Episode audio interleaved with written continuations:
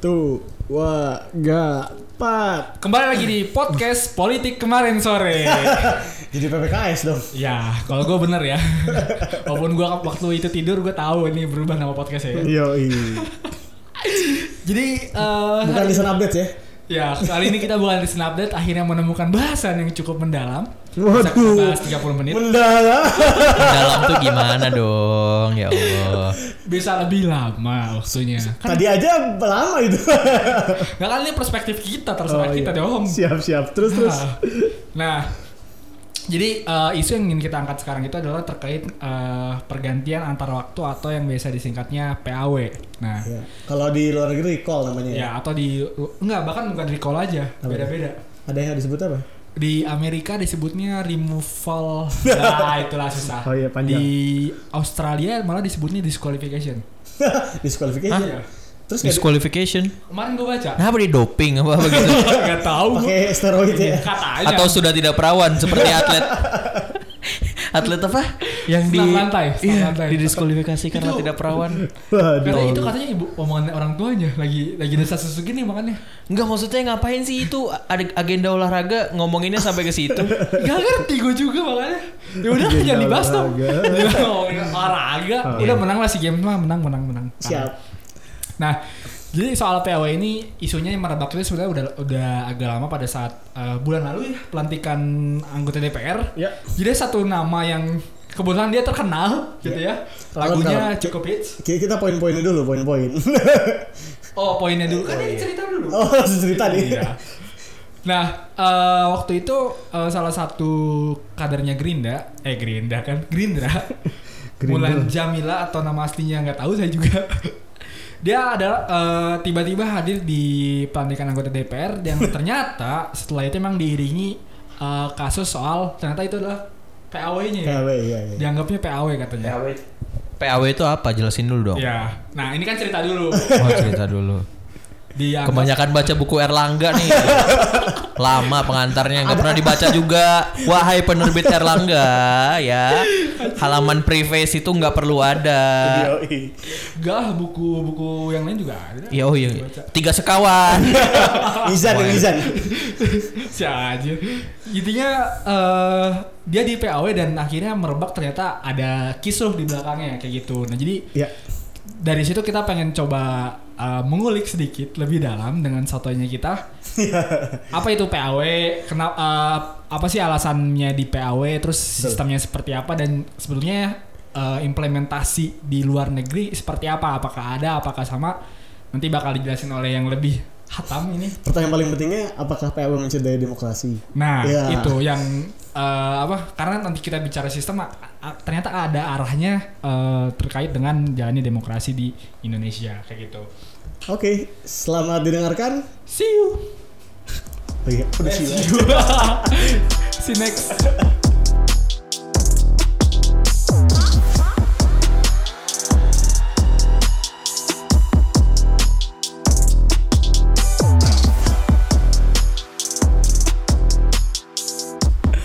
Oke, jadi kita sekarang masuk kita bahas mengenai uh, proses PAW tadi ya, Iya. pergantian antar waktu. Jadi tadi udah sempat disinggung, jadi uh, ini tuh yang kasusnya ramai adalah istrinya Ahmad Dhani ya. Iya. Kita- agak-agak Enggak nih kayaknya gara-gara bias gender. gara-gara Ahmad Dhani. Dia kan caleg juga kan ya? tapi nggak kepilih ya. Iya nggak kepilih kan. Nah ini mungkin Tapi ketangkep. tapi ketangkep. jauh banget lagi di Surabaya ya. Iya. Luar biasa. Nggak apa-apa. Ya, jadi Mulan Jamila, Partai Gerindra, Hmm. Dia dapilnya kebetulan Jabar berapa ya? Jabar nggak salah ya? Anda Jamar dong. Hah? Jabar Iya, Anda. dia, dia Jabar, dia Jabar. Oke, Jabar kan ya? Ya Jabar itu Anda lah. pilih nggak? Enggak, bukan, Oh, enggak. bukan dapil gua. Lo dapil lo juga nggak nggak nyoblos, Riz. iya, makanya. gua pilih presiden wakil presiden doang sama DPD. Iya, tenang, tenang. Jadi dia menggantikan eh, kader terpilih ya dari Gerindra. Iya. Namanya Ervin Lutfi. Ah, oke. Udah ketemu namanya. Udah ketemu. Ah, udah ketemu. Tolong itu di blacklist karena nanti pasti kerjaannya di PAW juga. Jangan dipilih dia lagi. Iya. Nanti Kayak, ah, Kasihan banget ya. tiba-tiba muncul yang aneh-aneh itu salah dia pokoknya. ya, jadi gimana lo melihat proses PAW ini? Kan kalau Kalau- lihat prosesnya di Indonesia berarti dia itu yang kita lihat ya pada praktiknya tidak ada batasan waktu. Kap- kapan pun boleh dilaksanakan. Betul. Kapan pun partai mau. Yes. Ya. Kapan pun anggotanya sekiranya sudah tidak sesuai koridor. Ya. Ya.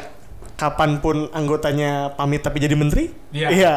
Atau kapan pun jadi anggota KPK. Oh ya. Iya, tertangkap maksudnya. Ada, ada, ada.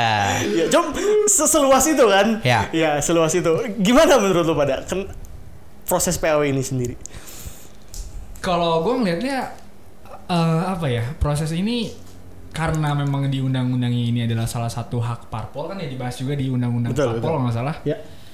eh ya itu haknya jadi nggak nggak bisa dipermasalahkan cuman yang yang gue lihat ini adalah eh, beberapa alasannya yang eh, apa ya kadang-kadang nggak masuk akal sih kayak gitu Oke. kayak sebenarnya Mulan Jamila ini agak aneh ya ini belum belum berjalan sama sekali gitu ya Iya.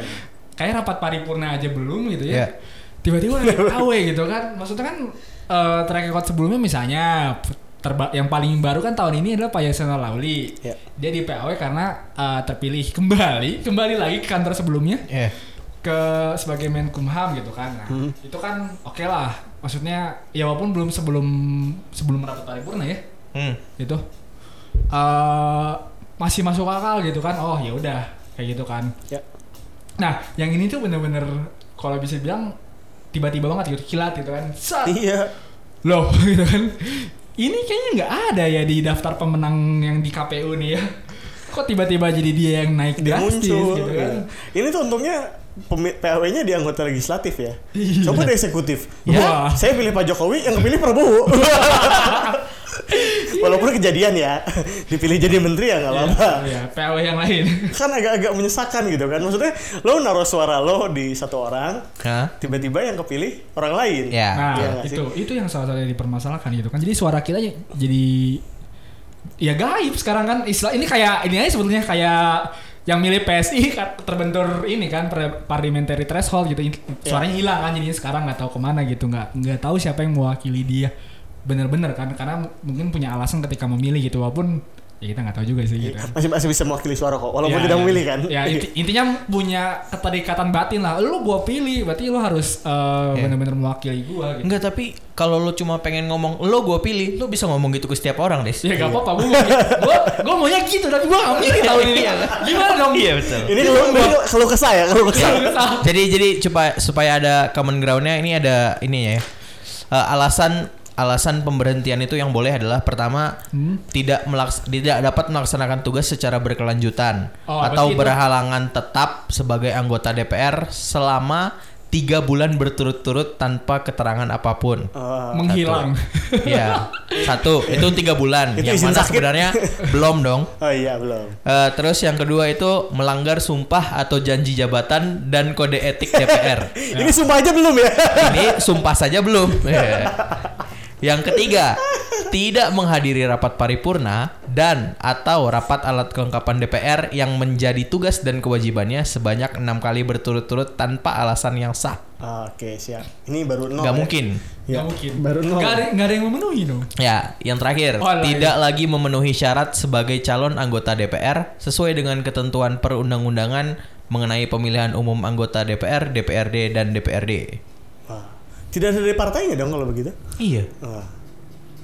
Nah Tapi itu. itu prerogatif partai. Ya, ya itu sebenarnya yang jadi masalah sih sebetulnya. Justru problem di Indonesia itu kan kalau peraturan dibuat tidak jelas.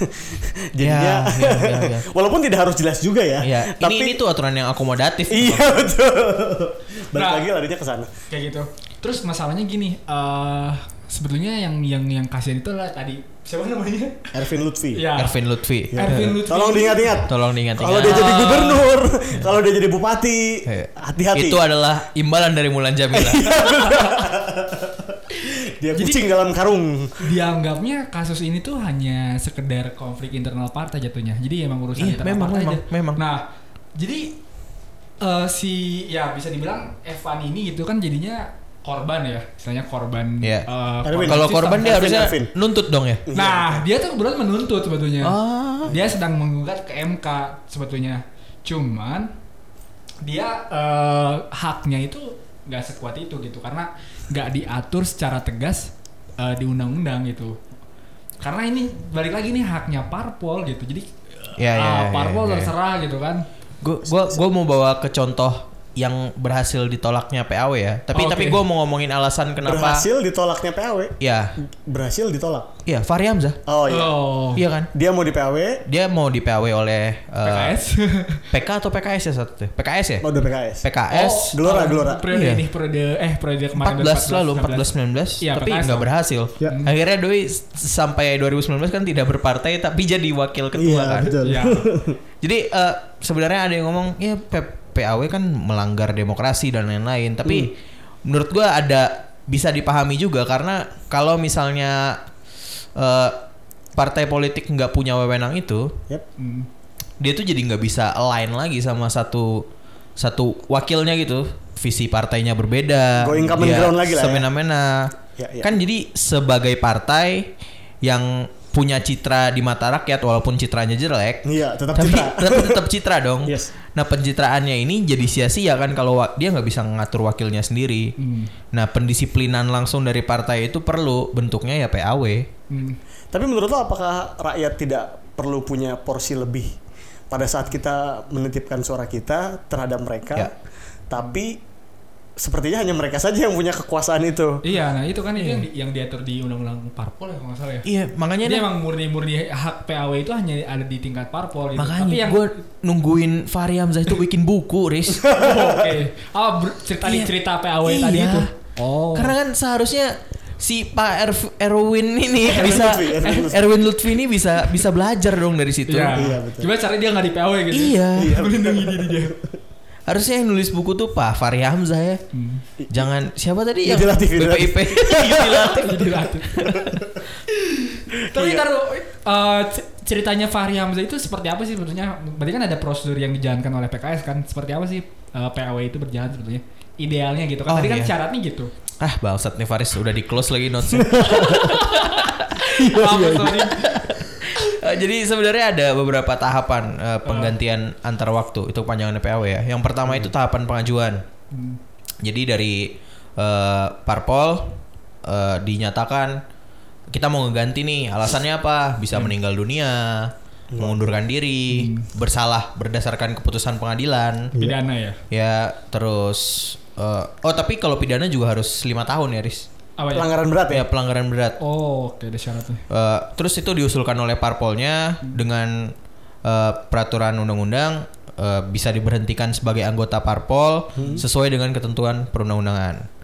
Terus eh, itu diajuin kepada BKD, Badan Kehormatan Kehormatan Dewan. Dewan. Oh, oke. Nah jadi eh, Yang ngajuin adalah partainya langsung. partai pimpinan partai politik. Pimpinan partai politik. Nah setelah disampaikan nantinya kalau misalnya usulnya diterima itu akan diteruskan ke presiden. Oh, ada tem oh tembusan aja kan? Ya tembusan. Oh, tembusan. Sekedar tahu ya. Jadi dalam 14 hari nanti presiden meresmikan penggantinya siapa gitu. I see. Presiden. Oh. Ya kan memang yang resmiin DPR tuh presiden kan. Yes. Hmm. Tapi juga di di tengah itu ada tahapan ininya, tahapan eh, verifikasi ininya. Oh, ya itu ke KPU ya ada lagi pelaksanaan enggak dong, pelaksanaan Udah. penyelidikannya. Oh, bener apa enggak? pen- penyebab PAW-nya. Ya Tapi makanya kalau- ini Ah. si Er- Erwin tadi Kasihan. Maaf ya Bapak Erwin Setidaknya 30 menit ke depan akan disebut-sebut terus terkena Anda.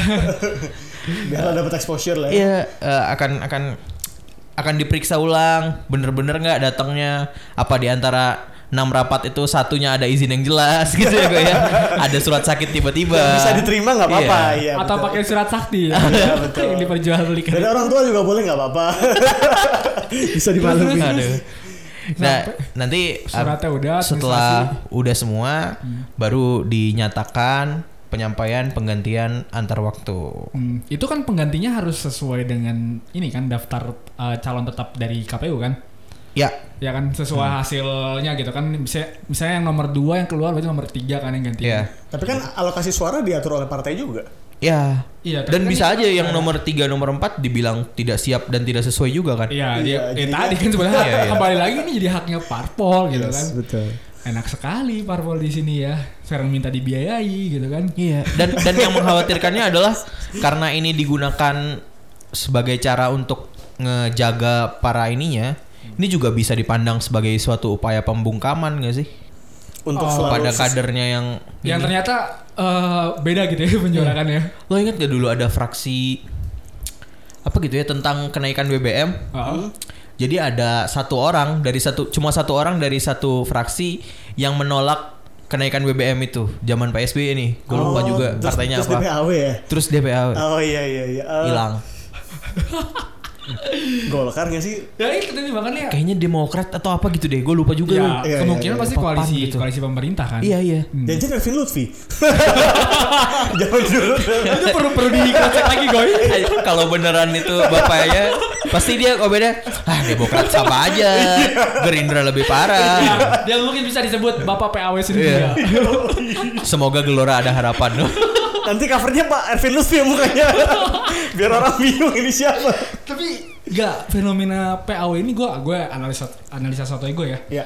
Eh, berdasarkan data di tahun 2014 2019 itu ternyata ada sekitar 22% itu adalah eh, hasil PAW dan paling banyak itu adalah Hanura. Itu 22% tidak termasuk yang korupsi ya? Enggak campur campur campur. Nggak, nggak termasuk itu. Itu Oh, exclude. nggak termasuk. ya? Iya. Jadi, Karena eh, korupsi kan nggak pakai verifikasi.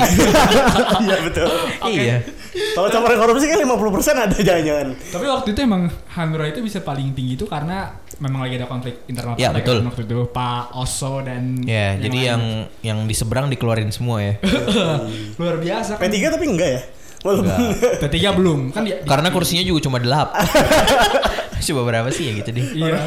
Iya iya. Gua gua mikirnya 22% itu eh, ya cukup banyak ya. Berarti sekitar berapa tuh? Banyak 560 Seperlima. kali Seperlimanya aja. 22. 100 dong. Iya. Maksudnya ini gak sih Belum yang korupsi. Iya.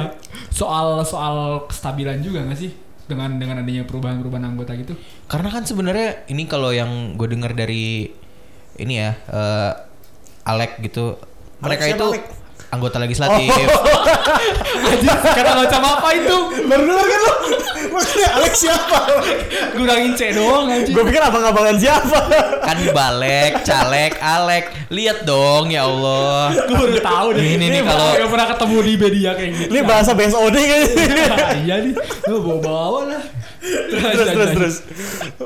Jadi mereka itu butuh setahun pertama buat belajar sistem, Ya. setahun kedua belajar menjalankan. Fungsi. Nah efektif mereka tuh di tiga tahun terakhir. Lo bayangin kalau dua PAW. Kan setahun lagi nyalon Oh iya setahun lagi cabut cuti-cutian ya. Iya. Dia. Kayaknya yang Mesti. harusnya tiga periode anggota DPR deh. Tiga periode kan DPR kan tidak dibatasi dong. Oh iya, tiga periode maksudnya lanjut aja terus sekali pilih 15 tahun gitu. Daripada aduh susah-susah. Iya, ya itu tadi yang tadi Dani bilang maksudnya gue gue juga melihatnya ini ke arah uh, proses misalnya legislasinya kayak gitu. Hmm. Kalau misalnya ada RUU yang ternyata mandek, mandek gitu yang ditarget misalnya prolegnas tahun misalnya 2019 sekarang eh 2020 misalnya ternyata mandek nih karena ada yang PAW kan. Hmm. Ada ada potensi kayak gitu kan? Iya gak sih? Atau malah justru Parah. menjaga suara. Jadi kayak oh partai saya mau dari dulu pro sama RUU PKS. Ya kalau dia nggak pro ganti cari yang pro. Bisa Ya, jadi, bisa ya jadi. itu. Itu terus. Iya. Ya tadi kan masuk ke arah yang apa? Kalau udah nggak dianggap gak sejalan dengan partai Iya. kan Nah, di partai. kick gitu kan? Enggak maksud gua ternyata eh dia bukan karena konflik lah, tapi Hmm. apa gitu ya? Terus keluar gitu misalnya eh, ikut pilkada nih 2020 misalnya atau 2022 nanti itu kan ganggu juga progres dari kerjaan RU kan misalnya dia Iya. ternyata dia ketua apa sih panja gitu kan Iya. keluar gitu Iya kan benar-benar. Eh, itu mungkin eh, penyebab periode apa persentase periode eh, legislasi periode dua- apa 14 per 15 itu Jelek ya. mentok ya gara-gara itu mungkin ya Itu dari bisa- gara-gara PAW nya nggak sih Bisa lari ke ini gak sih apa program turunan yang nggak bisa turunan tuh apa waktu itu? apa tuh Yang dibahas Rahayu, Saraswati. Oh iya iya. Iya, iya, maksudnya lat- bisa nyambung sama itu juga Iya, kan. benar, benar, Iya, benar. sih. Memang pemilunya harusnya dipisah ya. Jadi setengah-setengah. Ah, oke. Jadi anggotanya kayak cem-cem di Amerika gitu lah ya. Yang mana tuh? Ada pemilu selahnya jadi. Oh iya, ada midterm. Iya, jadi nggak radikal. eh, perlu sebagian ganti, sebagian lagi enggak. Iya. Jadi masih bisa jaga stabilitas. Tapi kalau lihat, maksudnya fenomena PAW ini kan terjadi di luar negeri juga ya. Maksudnya Iya. nggak cuma terjadi secara level Iya. nasional tapi global. Heeh. Tadi lu sempat nyinggung di kita diajuin ke Badan Kehormatan Dewan. Ya betul. Iya. Di Amerika itu juga ngajuin ke Badan bukan Kehormatan Dewan sih namanya, itu Badan Perwakilan Rakyat kalau di sana. Hmm. Jadi diajukan ke sana tapi berdasarkan petisi rakyat. Yes. Walaupun nantinya BPR, gue singkat BPR aja lah ya. Ya. BPR yang menentukan juga sih ini orang perlu di PAW atau enggak. Tapi ada ya tadi ya kalau cari titik temu bahwa emang ini salah satu hak untuk partai untuk menjaga kualitas partainya, menjaga kualitas citra partainya. Tapi juga ya tadi porsi masyarakat kan harusnya ada. Mungkin kita bisa lihat juga tadi di Amerika bahwa pada akhirnya porsi masyarakat pun diberikan lewat bentuknya petisi itu. Nggak tahu change.org kali ya? Gue nggak tahu sih petisinya pakai apa. Pakai apa dan? Pakai ini. Iya. Bill, Bill. Bill, Bill. Kayak buat ini ya? Iya, notes gitu. Ah iya iya. Enggak enggak sticky notes gitu kan? kirim kirim kirim. Iya, kok baru setelah disetujui dilaksanakan itu kan uh, pemungutan suara ulang kan? Iya, ta- disidangkan dulu kira-kira emang memenuhi persyaratan atau enggak. Iya. Itu di US ya. Yes. Kalau lihat lagi mungkin di negara lain. Kita, Di Kanada juga sama. Kanada Han- menarik. Hanya eh, pada saat apa pengajuan petisi itu dia punya standarnya minimal 40% tanda tangan pemilih di dapil tersebut. Ya, betul. Ya misal Pak Atria Dahlan mau di PAW. Oh iya, Dapil itu mana ya? itu hasil PAW juga tuh doi. Pengganti. Pak Jarot. Pak Jarod ya. Tidak lebih baik gitu. Ya itu hasil-hasil PAW Bulan Jamila, iya betul. Arteria Iya Dahlan. iya betul. Tapi sekarang kepilih lagi loh Pak Iya. Atria Dahlan ya luar biasa. Kayak gitu ada ada ada persentase ya cukup gede sih 40% kan. Gue nggak tahu sih angka 40% muncul dari mana ya. Cuma Cuman itu yang gue temukan Eh, eh, di Kanada seperti itu. eh, kenapa angkanya 40% itu loh? Nah, iya, nggak tapi tahu. menarik pada akhirnya karena punya batasan yang jelas ya. Iya. Karena akhirnya kan Itu 10 persennya, eh presentasi 11 persennya bandwagon ini gue. Karena kan yang milih anggaplah suara ini 51 persen gitu Iya, supaya iya, sah ya. suara dominan gitu Nah ya. 11 persen tuh orang cuma ikut-ikutan pemilu. Ada angka itu aja. diambil jadi 40 ya. Ya ambil 40 lah, cukup lah. gitu. Tapi emang menarik sih maksudnya eh, keterlibatan rakyat di situ karena Amerika itu buat bill apa pun misalnya kayak kemarin udah berapa kali kan Zuckerberg dipanggil ke Ya. depan itu itu juga atas usulan petisi kan Yes. dan hal kayak gitu. Terus juga ada salah satu ini ini sebenarnya mirip banget sama yang udah kita punya di Indonesia sih. Ada salah satu capres di Amerika itu Siapa dan? ngajuin Si- Siapa dan? Siapa dan? disebut Iya. dong, disebut. Menunjukkan keberpihakan. Mending apa? Anis apa Andrew Yang? Jadi Andrew yang itu pengen bikin namanya eh, apa ya? Oh, Congress of Demokrasi gitu atau apa? Isinya itu kayak staff sus presiden. Waduh, gue langsung. Tapi Ya, apa yang tapi. mau mereka bahas itu dari bill online itu, petisi online itu. Hmm. Itu, itu, Dan itu isinya bukan praktisi justru, tapi akademisi. Ah, isinya Jadi buat mandang eh, oh ini bill ini perlu dipandang dari segi akademis kayak gimana. Jadi cita-citanya badan itu adalah menyediakan akses Amerika kepada orang-orang terbaiknya, pemikir-pemikir terbaiknya di bidang itu. Artisnya, siapanya. itu menarik banget sih. Iya, iya. Oh, Andrew Yang. oh ini alasannya. Sa- salah satu eh, ini kalau teoretik banget ya, salah Hmm. satu yang dibenci Socrates terhadap demokrasi kan itu kan. Kenapa suara orang yang Iya. ahli Hmm. dianggap sama dengan suara orang yang tidak ahli atau dalam hal ini mengerti lah. Hmm. Walaupun dalam kepastian hukum kan harus sama, Iya. dalam hak juga harus sama. Tapi kan dengan ini kan jadi ada wadah yang Iya. menunjukkan sih secara hukum dasar sama, Iya. tapi dalam hal-hal lainnya tetap Oh, dipilih berdasarkan jeleknya Kemampuan. jeleknya sistem ini adalah itu memang harus sama orang yang pinter dan tidak pinter. sistem ini tuh yang mana nih? Eh, ya yang sekarang kita Oh, punya. sekarang, iya, iya. Jeleknya adalah yang pinter dan yang kurang pinter tidak punya kesempatan yang sama buat mendapatkan sumber informasi itu. Nah, ya. Nah, dengan adanya si Kongres apa ya sebutannya konstitusional apa inilah yang digagas Andrew yang ini, Iya. semua orang punya kesempatan yang sama buat akses kepada pemikir terbaik mereka yang sudah labelnya non partisan gitu. Ya, ya, ya, ya. Nah, Independen ya. maksudnya. Iya independen. Tapi kalau di kita kayak susah, akademisinya partisan. Sah. Sayang itu. Akademisi politik terbaik Unpad temannya Tito Karnavian. Iya, iya, iya, iya. Jujur sekali anda ini. Gak apa-apa minggu depan gue udah gak ketemu lagi. Tapi menariknya di Amerika itu soal PW itu ternyata eh, mengatur juga untuk meri apa ya eh, tidak hanya recall eh, apa legislatif tapi juga pemakzulan Ya presiden betul ya. impeachment. Eh tapi kita juga ada tuh impeachment. Ya kita juga ada. Itu dalam satu bukan satu dalam satu undang-undang yang sama kan? Kita Kan dalam lebih undang banyaknya di undang-undang parpol kan?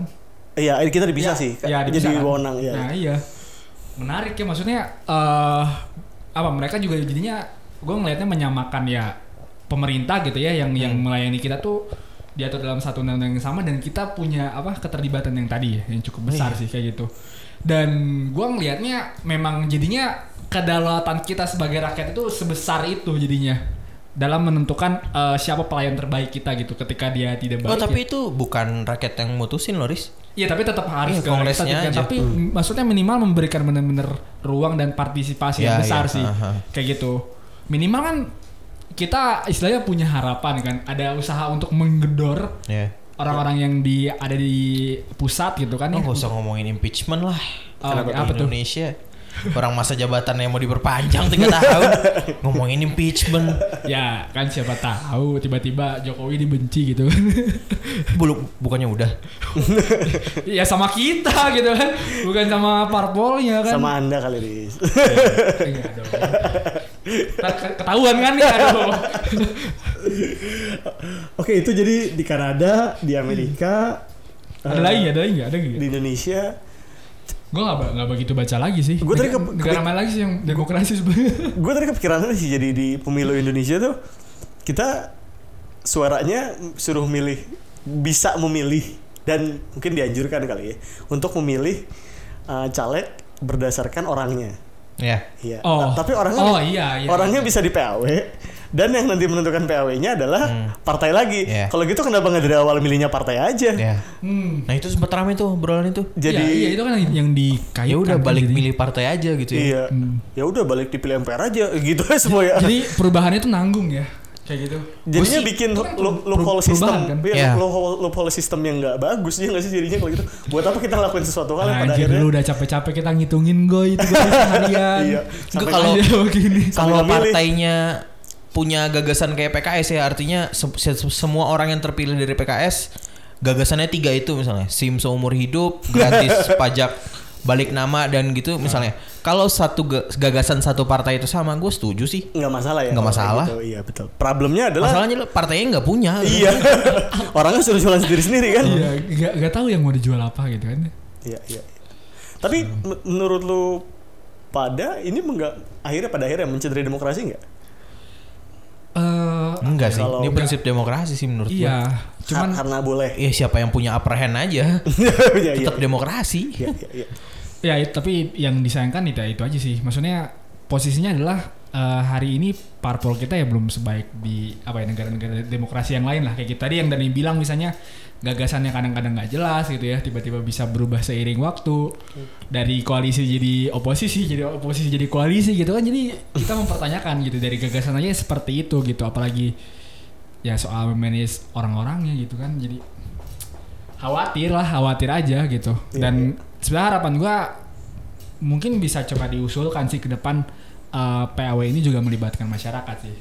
Kayak gitu. Walaupun memang pasti ada pertentangannya ah orang ini mah eh, pendidikannya nggak nggak sebaik itu untuk bisa menentukan masalah PAW ya ini kan sebenarnya mirip aja dengan kita pemilu ya disamain semua. Ya udah ini juga eh, apa pengajuan PAW juga harusnya diperbolehkan juga melibatkan masyarakat seutuhnya Kalau mau PAW, kalau mau PAW ya, menurut gua yang harus disederhanakan terlebih dahulu adalah distriknya.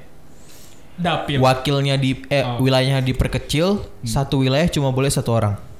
Wilayahnya diperkecil. Oh, oke. Jadi nanti milihnya per kecamatan gitu misalnya. Iya. Oh jadi benar-benar jelas Ya, satu wakil kecamatan dapil, dapil satu. tuh satu partai ya. Jadi yang masyarakat awasin tahu, ini loh dapil satu kota Bandung yang kepilih empat orang, yang megang gue siapa? Langsung jelas. Kalau distriknya diperkecil yang dipilih satu, Hmm. mau ada mekanisme PAW, Eh, taruh Oke di- sih. Distrik diperkecil dapilnya nambah atau Dapilnya nambah. dapilnya nambah. Karena kan Oh, diperke- oke, dapilnya ruang lingkupnya nambah. diperkecil. Ya, jadi in- insentif eh, pegawai yang tukang hitung apa nama kalian berdua? KPPS, Eh, KPPS. KPPS-nya PPSU, PPSU lah. nambah dan kerjanya berkurang kan? Iya, iya, iya, benar. Iya. Timnya akan lebih kecil juga sih dalam pelaksanaan Kerjanya berkurang ya. KPPS Dan distribusi ini nggak perlu takut karena nggak akan ada surat suara yang berbeda, surat suara berbeda di tiap TPS. Iya. Ngitungnya ya udah langsung di situ Oh, aja iya, tingkatnya iya, tingkat kecamatan. Menarik dan cocok jadi ketua KPU ya. Ubah tuh PKPU deh. bener. Didikan Prof Muradi bro, Fight. Iya, iya, iya, menarik, menarik. Usul yang menarik sih kayak gitu. Ada tambahan lagi nggak, Goy? Soal PAW ini. Sepertinya cukup.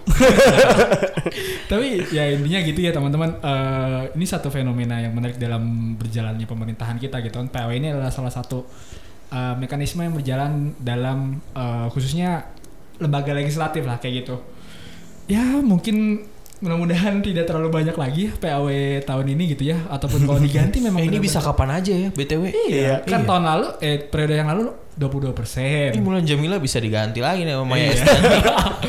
Ada yang bikin, nyalon, bi- bikin Maya tiga gitu ya. Kayak kalau main bola tuh orang baru masuk gantiin, diganti lagi. Tapi memang mungkin PAW ini yang, yang mengharapin tuh ya orang-orang yang kalah sih sebenarnya. Iya gak sih? Iya. Iya kan? Makanya- lagi ber, ber- apa lagi ber- Makanya belum ini masih suka ke sekre.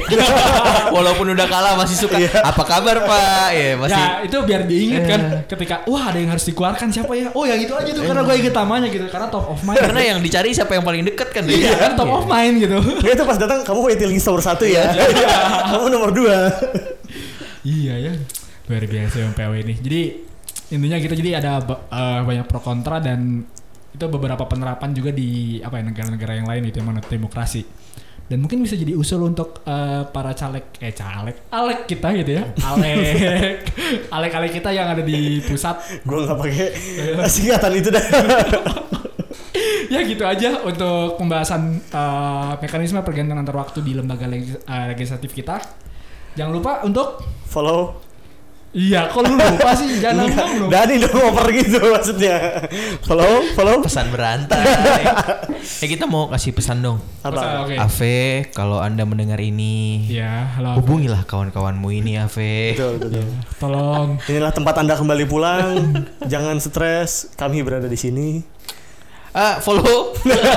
At kalau underscore kataku di Twitter, dan at kalau kataku. di Instagram. Oke. Sampai jumpa di pekan selanjutnya. Karena Dani akan menghilang. See you. Berapa menit gue? 31.